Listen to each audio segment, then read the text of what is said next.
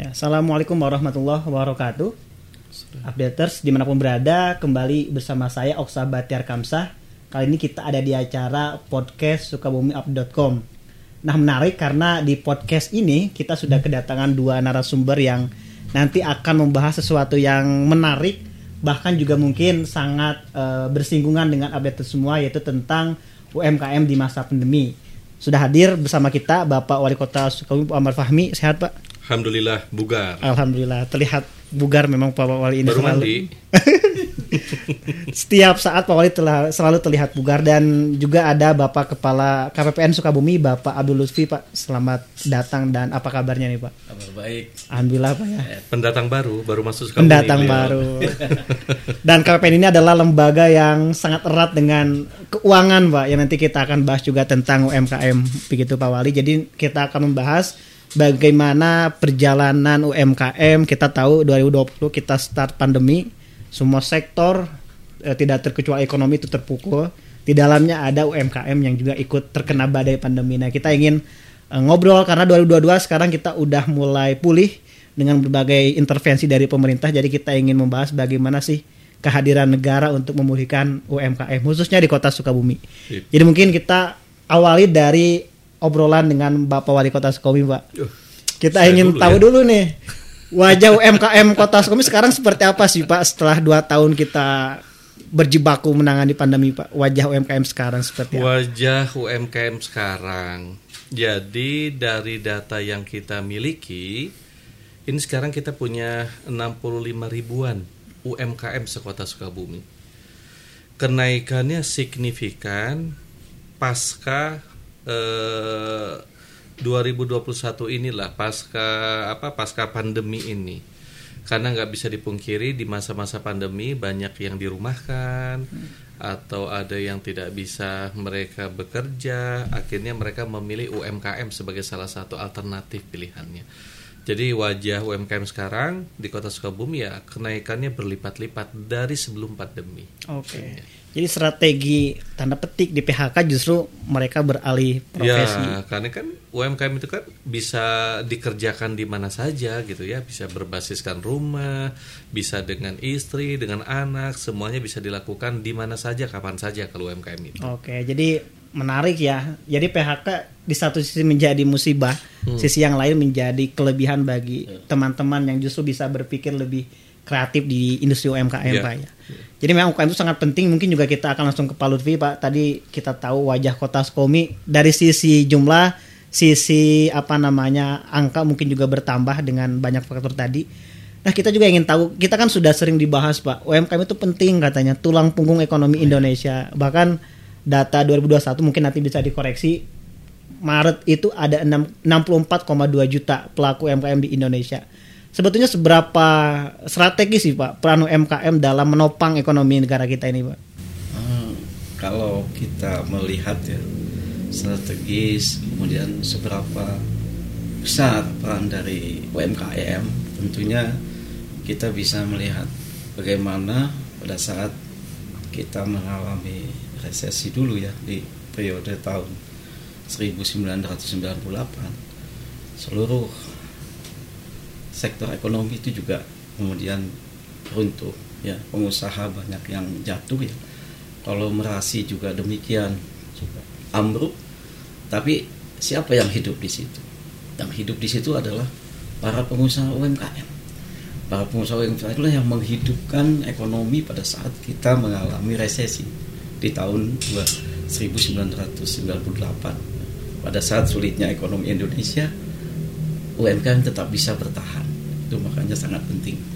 Selain itu juga UMKM memang satu jenis usaha yang tidak bisa dipengaruhi oleh terpaan resesi. Itu yang juga menjadikan UMKM sangat penting ya menjadi pilar ekonomi secara nasional. Juga demikian UMKM itu juga memberikan kontribusi yang besar buat PDB kita secara nasional ya jadi dengan adanya UMKM tentunya kita sangat eh, terbantu ya sangat sekali ya terbantu di ekonomi Indonesia itu bisa tetap hidup tetap bangkit gitu walaupun pada saat pandemi kemarin memang mereka tetap ini ya menjadi korban juga tetapi dengan dukungan pemerintah mereka juga bisa bertahan. Oke, siap. Kalau dari kacamata pemerintah, Pak, tadi kan kita dengar UMKM justru di satu sisi menjadi alternatif bagi mereka yang dirumahkan.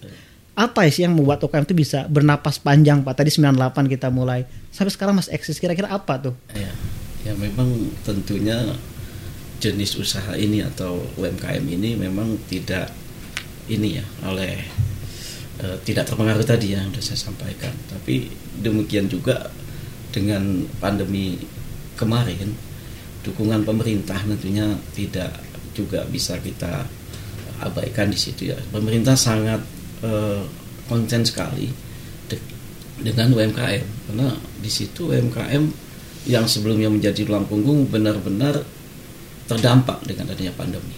Tetapi upaya apa dari pemerintah untuk tetap membangkitkan UMKM, tetap mempertahankan UMKM, yaitu tadi dengan adanya pemulihan ekonomi nasional, program pemulihan ekonomi nasional, program PEN yang salah satunya dari bagian PEN tersebut adalah memberikan support yang besar terhadap uh, keberadaan UMKM. Ya bentuknya dari subsidi bunga, mereka mendapat bantuan sosial dan lain-lain. Oke siap. Nah bicara support Pak, kembali ke kota Sukabumi nih Pak Wali. Hmm. Kira-kira teknis support yang diberikan pemerintah kota Sukabumi untuk tadi memulihkan UMKM supaya mereka tetap terus eksis di tengah pandemi itu seperti apa kemarin Pak? Di tengah pandemi ini kita coba mendata ya, kita coba mendata apa sih yang eh, permasalahan terbesar di UMKM. UMKM ternyata terkait modal, hmm. kemudian terkait pemasaran, hmm. terkait bahan baku mereka, terkait bagaimana promosi, distribusi dan beberapa hal lainnya. Jadi dari hasil pemetaan yang kita lakukan di tahun 2000 saya ingat di tahun 2020 saat itu ya. Kemudian kita melakukan langkah-langkah yang kita harapkan langkah-langkah ini mampu untuk mempercepat gerak UMKM ya menghadapi tantangan eh, pandemi saat itu. Maka bagaimana teman-teman para pelaku baru UMKM itu kita didik, kita latih mereka agar mereka bisa eh, ini bisa bersaing, kita latih mereka dan kita berikan kepada mereka bentuk perizinan. Contoh, eh, nggak mungkin dagangan mereka atau produk mereka bisa laku kalau tidak terfasilitasi perizinannya. Hmm. Maka perizinannya kita berikan secara gratis apakah yang sifatnya PIRT, yang sifatnya like hygiene, yang sifatnya sertifikasi halal, itu betul-betul kita prioritaskan. Sehingga teman-teman yang baru mereka melangkah di UMKM, mereka bisa e, menjajakan UMKM-nya dengan lebih leluasa karena tadi perizinannya lengkap. Kita ajarkan mereka apalagi di masa pandemi dagangnya itu jangan door to door dagang door to door udah nggak udah nggak zamannya lagi hmm. tetapi kita didik mereka kita latih mereka bagaimana mereka e, melibatkan teknologi hmm. dalam apa dalam aktivitas perdagangan mereka saya sempat sampaikan kepada teman-teman pelaku UMKM handphone itu dulu alat komunikasi betul tapi sekarang handphone itu sudah jadi alat produksi hmm. jadi kalau teman-teman mau kaya manfaatkanlah handphone manfaatkanlah teknologi jadi kita didik, kita latih mereka hmm. untuk beradaptasi dengan teknologi untuk uh, pola uh, distribusi mereka, pola penjualan mereka, pola marketing mereka dan sebagainya. Kemudian juga kita latih mereka, saya ingat benar bagaimana kita melatih mereka cara memfoto produk mereka. Mereka punya produk nih. Yeah. Kadang kalau hasil fotonya nggak bagus itu nggak menarik. Yeah, betul. Sekarang penjualan secara online itu kan uh, orang tuh tergoda matanya itu hmm. karena lihat ini ya lihat di fotonya bukan berarti menipu bukan ya, hmm. ya tetapi teknik motonya Dikemas teknik yang, gitu yang ya. luar biasa teknik fotonya hmm. sesuatu yang nggak menarik ketika teknik fotonya bagus maka menjadi sangat menarik. Kita latih mereka karena penjualan harus berbasiskan teknologi cara fotonya yang benar. Sampai sedetail itu pak ya? Sampai sedetail itu kita ini kan Kemudian juga kita support mereka terkait kemasan. Makanya kita lakukan pe, apa pelatihan kemasan secara masif saat itu ya. Bagaimana kemasan mereka biasa tuh mereka kalau jual makanan atau apa pakai plastik hungkul eta teh. Ti- plastik di hektar gitunya atau kapung kurma sok make lilin gitunya nah akhirnya mah kita latih mereka kita kasih mereka alat supaya kemasan mereka menjadi lebih menarik di packaging bagus ya. Ya, packagingnya bagus. Saya sempat sampaikan kepada mereka. Saya dulu waktu ke Jepang, saya beli mochi isinya 6 itu seharga satu juta kata saya teh. Yang dibeli itu bukan mochinya tapi Iya, apanya? iya, iya. Wadahna gitu ya, Oh, oke. kemasannya yang kita Iya, beli. iya, iya, iya. Jadi bagaimana sekarang juga dengan kemasan yang bagus, orang tertarik membeli produk kita karena kemasannya juga bisa dimanfaatkan dengan baik. Oke. Jadi sampai detil itulah kita ingin pelibatan teknologi terjadi, kita ingin teman-teman UMKM ini mereka memanfaatkan teknologi dan juga kita ingin betul-betul mereka berinovasi dengan apa yang akan mereka tawarkan kepada masyarakat. Oke, dan mereka tadi ya adopsi teknologi diiringi adopsi mindset Pak ya karena UMKM kan gak perlu kalau dulu usaha itu kan perlu toko, Iya. perlu apa. Iya. Sekarang kayaknya gak perlu udah bisa mulai usaha Pak ya. Cap gidi ke mana-mana jalan. Iya. sekarang mah udah nggak usah dari rumah ini ini HP ini jadi alat produksi sekarang Betul, mah, betul, gitu betul, ya. betul. bukan sebatas alat eh, telekomunikasi Komunikasi aja saja, ya. tapi alat produksi gitu. Oke, yang juga sesuai dengan prinsip kalau tadi saya sempat baca-baca prinsip eh, karakter bisnis di era pandemi Pak salah satunya juga low mobility. Jadi kita mengurangi mobilitas dengan mengandalkan telekomunikasi.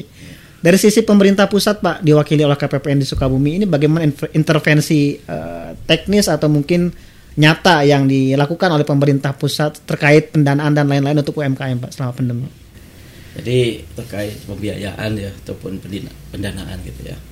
Saat ini program Kementerian Keuangan khususnya ya terkait pemerintah pusat dalam hal ini dia memberikan subsidi bunga, subsidi bunga untuk pembiayaan kredit usaha rakyat atau KUR untuk UMKM khususnya.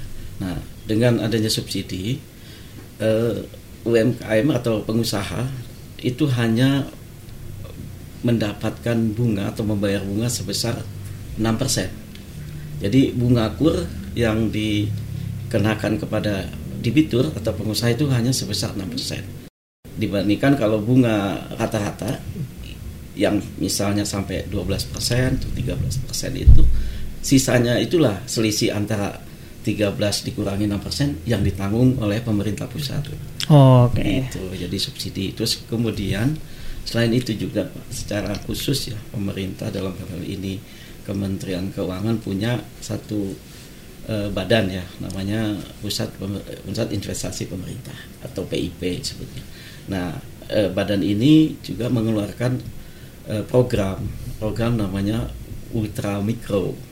Nah, ini menjangkau para UMKM eh, pengusaha kecil yang tidak tercover oleh eh, pihak bank. Ini Hmm. yang menjadi sasaran dari program ultramikro tersebut.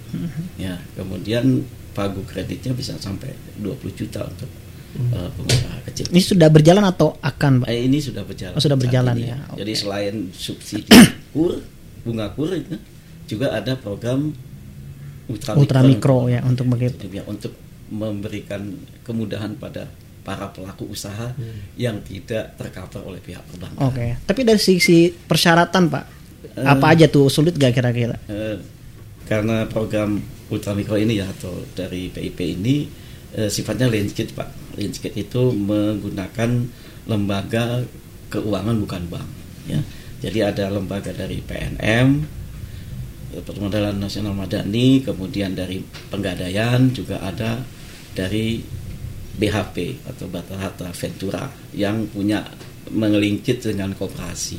Nah dari eh, badan-badan lembaga non bank tersebut itulah yang akan menarik atau menyaring debitur-debitur ya yang akan diberikan kredit eh, ultramikro tersebut. Ya, Oh. Jadi mereka eh, dengan persyaratan mereka ya karena mereka terbiasa dipilih oleh eh, pusat investasi pemerintah karena mereka sudah terbiasa menangani eh, pelaku usaha mikro. gitu. Oke, tinggal tinggal jalan aja. Ya, Pak. tinggal jalan. Oke. Ini kayaknya harus dilingkan dengan Pemda juga. Harus nih, itu, nih. Itu diintegrasi ya. Integrasi ya ini satu program yang bisa memberikan manfaat yang besar Hmm. untuk para Kembali ke Pak Wali Pak, ini kan kita tahu ya masa pandemi banyak istilahnya refocusing anggaran dan lain-lain. iya. Nah kira-kira eh, tanda petik ya terganggu gak sih Pak dengan dengan adanya kebijakan seperti itu untuk pengembangan UMKM dan pembangunan di Kota Sukabumi secara umum gitu Pak? recovery eh, anggaran ini tidak bisa dipungkiri eh, membuat perencanaan kita yang terdapat dalam RPJMD itu eh, apa ya saya nggak sebut berantakan lah Bergeser. tapi gimana lah bergeser juga lebih dari bergeser gitu maksudnya Disesuaikan. Iya, bukan cuma disesuaikan karena target-target pembangunannya. Iya, iya. Saya kan dulu kan 2018 ya, akhir kita buat 2018, kita tidak pernah merencanakan akan terjadi pandemi. Hmm. Sehingga target dan janji-janji politik saya yang masuk dalam RPJMD itu semuanya adalah ideal. Hmm. Saya ingin A, ingin B, ingin C, ingin D. Tiba-tiba dalam perjalanannya datanglah eh, COVID ini selama 2 tahun lebih. 29 bulan. Nah, ini kemudian eh, apa yang kita rencanakan ternyata harus digeser sekarang karena eh, diprioritaskan pada pertama pada kesehatan. Yang kedua diprioritaskan pada recovery ekonominya. Jadi dua hal itu yang kita diminta pergeseran anggaran dilakukan untuk betul-betul fokus kepada dua hal tersebut selama dua tahun, selama 24 bulan. Jadi kalau ditanya berpengaruh nggak berpengaruh itu sangat berpengaruh bagi saya secara pribadi ya, bagi eh, kepala daerah gitu ya. Makanya kemudian kami melakukan revisi RPJMD. Dan revisi RPJMD kami itu nggak akan sangat banyak catatan-catatan eh, eh, tidak berjalannya program yang sudah direncanakan. Makanya kita lakukan revisi RPJMD sebagaimana provinsi juga melakukannya. Kita sesuaikan dengan estimasi atau prediksi kita selama eh, tahun mendatang pasca pandemi ini. Kita lakukan revisi seperti itu. Oke, tapi sejak 2021 kayaknya udah mulai ada pemulihan Pak ya di Kota Sukabumi Enggak juga. juga, Belum enggak ya? juga. Ya, APBD kita nggak baik-baik amat gitu, nggak baik-baik. Sampai tahun ini juga, sampai tahun 2022 APBD kita juga nggak baik-baik amat gitu ya, nggak baik-baik eh, banget. Jadi eh, yang perlu kita lakukan, makanya saya fokus ke sekarang, sekarang ini penataan infrastruktur yang efeknya itu adalah pada peningkatan daya ungkit ekonomi. Oke. Itu yang kita fokuskan. Sedangkan peningkatan infrastruktur yang tidak berbanding lurus dengan peningkatan ekonomi itu kita tunda dulu pelaksanaannya. Oke. Kita tuh selain menyalurkan dana APBN ya Pak Wali ya, kita diberikan tugas ya, namanya special mission gitu, special mission untuk mengawal eh, UMKM. Dalam Bukan mission impossible ya, bukan ya? Special mission special ini. mission ini. Misi spesial. Iya, jadi tugas kita untuk mengawal UMKM ya. Dan saat ini kami selalu melakukan monitoring ya terhadap debitur yang sudah menerima eh, fasilitas ultramikro tadi Pak. Jadi kita mendatangi debitur-debitur yang sudah menerima. Jadi kita punya data baseline-nya. Jadi pertama kita lihat eh, kondisi ekonomi dia itu kita lihat kondisi rumah ya dari rumah itu kita cek misalnya lantainya masih tanah gitu ya di baseline nanti kita lakukan lagi mau FDN lain setahun kemudian ada perubahan, nggak Perubahan gitu atau enggak? setelah kita diberikan eh, setelah mereka diberikan Ekonomi dia meningkat atau enggak Enggak, gitu ya? gitu. Nah, itu ya. jadi analisis kita kemudian kita laporkan ke eh, kementerian Oke. ke pusat. Nah ini salah satu upaya kita ya. Kemudian terkait dengan kolaborasi dengan pemerintah daerah Pak Wali Iya. ya, kita juga punya tugas eh, apa namanya menyediakan eh, sistem aplikasi Pak. Jadi kita di Kementerian Keuangan sudah menyediakan sistem informasi kredit program namanya. Hmm. Jadi kewajiban pemerintah daerah dengan sistem tersebut itu mendata seluruh debitur potensial Pak. Ini menjadi tugas dari dinas koperasi dan UMKM untuk sebagai leading eh, mendata debitur tersebut ya. Jadi dengan menginput data di sistem aplikasi sistem informasi kredit program.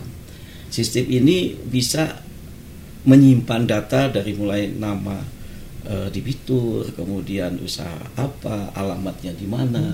Nah, dengan sistem ini diharapkan ada koneksitas dengan pihak perbankan.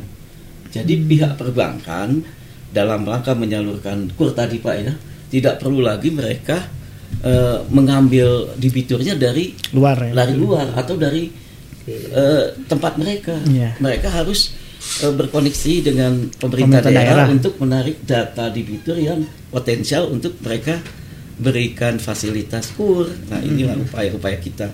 Jadi dalam setiap pertemuan Pak Wali ya dengan teman-teman perbankan kita selalu uh, bilang kepada mereka untuk memanfaatkan data SIKP yang telah dibuat atau disusun oleh uh, pemerintah daerah khususnya dari dinas koperasi dan UMKM tersebut. Oke, Itu, siap. kita selalu itu upaya kita. Oke, Pak Wali mungkin bisa menanggapi atau Ya, ya ini unik ya. Saya sendiri juga baru sekarang nih Pak Kepala ya dapat informasi terkait dana apa tadi itu Pak Eh, Kepala? sistem informasi kredit program Pak. Ya, yang dana ini uh, mudah-mudahan kan Pemda itu punya kita tuh punya program kredit anyelir ya. kurang unggulan salah satu Iya, program, ya? anyelir itu anti nginjem karentenir gitu ya. Ini sebuah program yang ketika itu saya ketemu dengan UMKM, eh, UMKM baru, saya tanya permodalan dari mana? Minjem ternyata ke rentenir. Oh iya masalah ini. Kita ingin mengembangkan UMKM, tetapi ternyata modalnya jadi mereka minjem ke rentenir Iya, gitu ya. Kalau mereka minjam ke kayak perbankan atau koperasi atau apa, itu mah kita eh kita memang Iya. salurannya demikian lah salurannya. Tetapi kalau sampai ke rentenir kita khawatir. Makanya kita buat program kredit anyelir ini. Nanti mudah-mudahan kredit anyelir ini bisa kita linkkan dengan programnya Pak Kepala KPPN ya, Pak Kepala ya. Insya Allah mudah-mudahan lah. Oke, siap. Iya. Pak Kota Sumi kan juga ini agak keluar dikit tapi masih berkaitan dengan UMKM. Banyak anak muda kreatif Pak Sukabumi. Hmm. Ini gimana kota bisa memaksimalkan ini bagian dari pengembangan UMKM Pak? Karena kemarin kita rame Citayam Fashion Week di luar kota ya. Artinya Hmm. kan semangat itu bisa dibawa ke kota Sukabumi bagaimana menghidupkan ekonomi-ekonomi jalanan dari teman-teman anak muda ini Pak.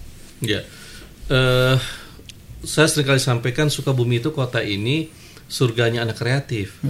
Karena ternyata luar biasa anak kreatif di kita ya, termasuk beberapa anak-anak kreatif yang ada di beberapa kota besar ternyata asli Sukabumi, Sukabumi. setelah kita ngobrol-ngobrol gitunya. Jadi kami saat ini terus melalui Sukabumi Creative Hub kita punya program unggulan yaitu Sukabumi SCH ini. SCH ini adalah wadah yang kami buat dalam kerangka menampung anak-anak kreatif. Hayo anak-anak kreatif, kita beraksi, kita berkontribusi, kita berprestasi, jangan sekedar mencaci kata saya, jangan sekedar memaki kondisi yang ada, tapi mari kita berkarya berprestasi di Sukabumi Creative Hub ini. Alhamdulillah, kita terus dorong mereka, kita linkkan dengan beberapa program yang dimiliki oleh Pemda. Kalau anak-anak eh, kreatifnya mereka pengen usaha, mangga apakah mau usaha secara mandiri atau kemudian mereka bisa bergabung dalam Sukabumi Kece, Sukabumi Kelurahan Entrepreneurship gitu ya. Atau kalau eh, nggak mau ke kemandirian, mereka mau dipersiapkan sebagai tenaga kerja, kita punya pendidikan vokasi Oke. kan gitu ya. Jadi kita linkkan baik melalui dinas kumindak ataupun dinas tenaga kerja atau kita siapkan mereka melalui SCH dengan kreativitas mereka kita hidupkan kreatif kreativitas mereka. Salah satunya yang sekarang kita coba aktivasi ini kapitol ini. Ya. ya kapitol itu dulu kan kumuh dulu itu nggak nggak terawat dulu itu kan apa ya ah wegah we rek ke kapitol teh gitu Betul, ya. betul, betul. sekarang kapitol kita berusaha tata nih dalamnya. Saya terinspirasi saya ke Padang waktu itu di sana ada M Block itu bekas pabrik bekas pabrik seng. Yang itu sudah sekian sekitar 15 tahun nggak kepake. Kumuh sekali. Kemudian sekarang jadi tempat kreativitas anak muda. Kemarin saya diajak eh, jalan-jalan sama Pak Anies di eh, Jakarta. Ada M Block di sana ya. Ada M Block juga diajak di sana di tempat yang nggak kepake ditata sedemikian rupa menjadi ajang kreativitas anak muda. Nah di sini ternyata kita punya kapitol yang kumuh yang lusuh tetapi menjadi legenda kapitol itu Iya, kan ya bisa- menjadi legenda Bisa besar. dihidupkan lagi Nah, ya. sekarang kita sedang hidupkan ini Pak Kepala KPPN nih. Alhamdulillah sudah teraktivasi. Eh, kita akan terus jadikan sana mudah-mudahan jadi ikon kreativitas anak muda lah di apa Kapitol ini lah. Ya pojok-pojok kreatif bisa dibangun di beberapa tempat ya kota Iya, Sukabumi itu. betul. dan banyak ikonik. yang banyak yang apa ya banyak yang idol ya yang yang mm, apa yang mati gitu ya Hmm. Iya. tidak bermanfaat gitu ya. Dan dulunya pernah meng- mengalami masa kejayaan ya kayak Kapitol dan lain-lain itu. Ya itu kan setiap foto Sukabumi masa lalu selalu ada, Ada Kapitol. Tinggal bagaimana semangat itu dihidupkan itu kembali. Oke Pak dari KPPN sendiri eh, di samping tadi ya program-program yang telah berjalan, bagaimana menggayat anak muda ini kan anak muda itu kalau istilahnya mengalami quarter life crisis Pak. Iya. Bingung itu kerja juga peluang kerjanya nggak banyak. Gimana biar mereka juga bisa ikut tertarik membangun usaha dengan UMKM ini gitu Pak? Jadi upaya kita tetap ya dengan komitmen untuk membangun UMKM, mengawal UMKM tadi ya. Kita tetap akan lakukan ya, tetap seperti koordinasi karena kita ini pemerintahan ya, Iya. lebih kepada koordinasi dengan pemerintah daerah akan kita tingkatkan ke sana. Kemudian kita saat ini memang sedang membangun namanya ruang eksebisi. Di situ ada eh, kita tampilkan hasil produk dari para UMKM, Pak. Wah di KPPN nih Iya, di Kepala. KPPN kita Wah, kasih space. Kayaknya kita harus diundang Harus ini. Jadi kita siapkan itu. Bikin pameran, Pak. Ya, Eh, belum itu diundang di sedikit. sekitar sama Pak Kepala Ya, nih. Iya, siap Pak kan wali, Pak wali siap Pak wali. Jadi eh, kita udah siapkan Pak. Jadi udah kita set, udah kita buat. Itu satu pojok UMKM namanya yang menampilkan dari hasil dari produk-produk mereka. Hmm. Jadi Oke. teman-teman kami kan memang ke satker ya itunya ya. Eh, settingannya ke satker itu istilahnya arahnya ke satker ya tapi nanti satker bisa melihat pak Hmm. jadi ya eh, stakeholder kami kan satuan kerja Satuan kerja. tapi satker bisa melihat nih ada produk-produk karena kan wilayah kerja kami kan ada Sukabumi Kabupaten ada Cianjur, kota ya. Sukabumi ada Cianjur nah bisa mereka datang melihat hasil produk Iya, dari iya. kota Displaynya ya, displaynya udah kita Iya. siapin Iya. gitu Siap. kita juga bisa memberikan supervisi ke teman-teman satker apabila perlu informasi terkait bagaimana pengembangan UMKM gitu bisa karena Oke. tentunya teman-teman di khususnya di tempat kami sudah dibekali untuk itu gitu Oke, siap. Terima kasih banyak Pak Wali, Pak Kepala sudah berbagi tentang UMKM. Ya. Tinggal sekarang habis ini mungkin nanti kita harus banyak ngobrol lagi, Pak. Ya, tapi saya juga pengen pesen tuh. Oke, Kang boleh, Pak. Oksa. Ya, anak-anak muda kita, warga masyarakat kita, mari mereka membeli dan mereka berpihak kepada produk lokal. Nah, itu itu. yang terpenting ya. Bagaimana kita jajan di jajanan lokal, Hmm. bagaimana kita juga berbelanja dengan belanja lokal, supaya teman-teman atau saudara kita yang sekarang pelaku UMKM, mereka merasa diadvokasi oleh kita. Oke. Jadi itu sangat penting ya. Kenapa kita membuat titik juara, Kang Sa? Ada titik juara yang di Lapang Merdeka ya? Lapang Merdeka ya. Bahkan besok rencananya Pak Gubernur dan Ibu Gubernur besok mau ke sana tuh mau lihat karena tidak ada di kota kabupaten mana pun Iya, betul. yang mempersiapkan lokasi sebagaimana kota Sukabumi siapkan. Ini bentuk keberpihakan kita kepada UMKM. Nah, saya meminta teman-teman juga ya kalangan milenial, teman-teman ya warga Sukabumi mari berpihak kepada produk lokal kita. Oke, siap. Beli barang teman sendiri dulu, Pak ya. Iya, Jangan betul. dulu keluar kota atau pergi keluar negeri Iya. begitu ya untuk menghidupkan UMKM di Kota Sukabumi. Oleh terima kasih banyak atas waktunya, Pak Kepala juga terima kasih banyak sudah bertamu di sukomiupdate.com. Ya. Mungkin nanti setelah ini kita akan banyak ngobrol untuk kolaborasi UMKM ke depan. Itu mungkin sekian terima kasih banyak Updater. Saya Oksa Beter Kamsa undur diri. Wassalamualaikum warahmatullahi wabarakatuh. Waalaikumsalam.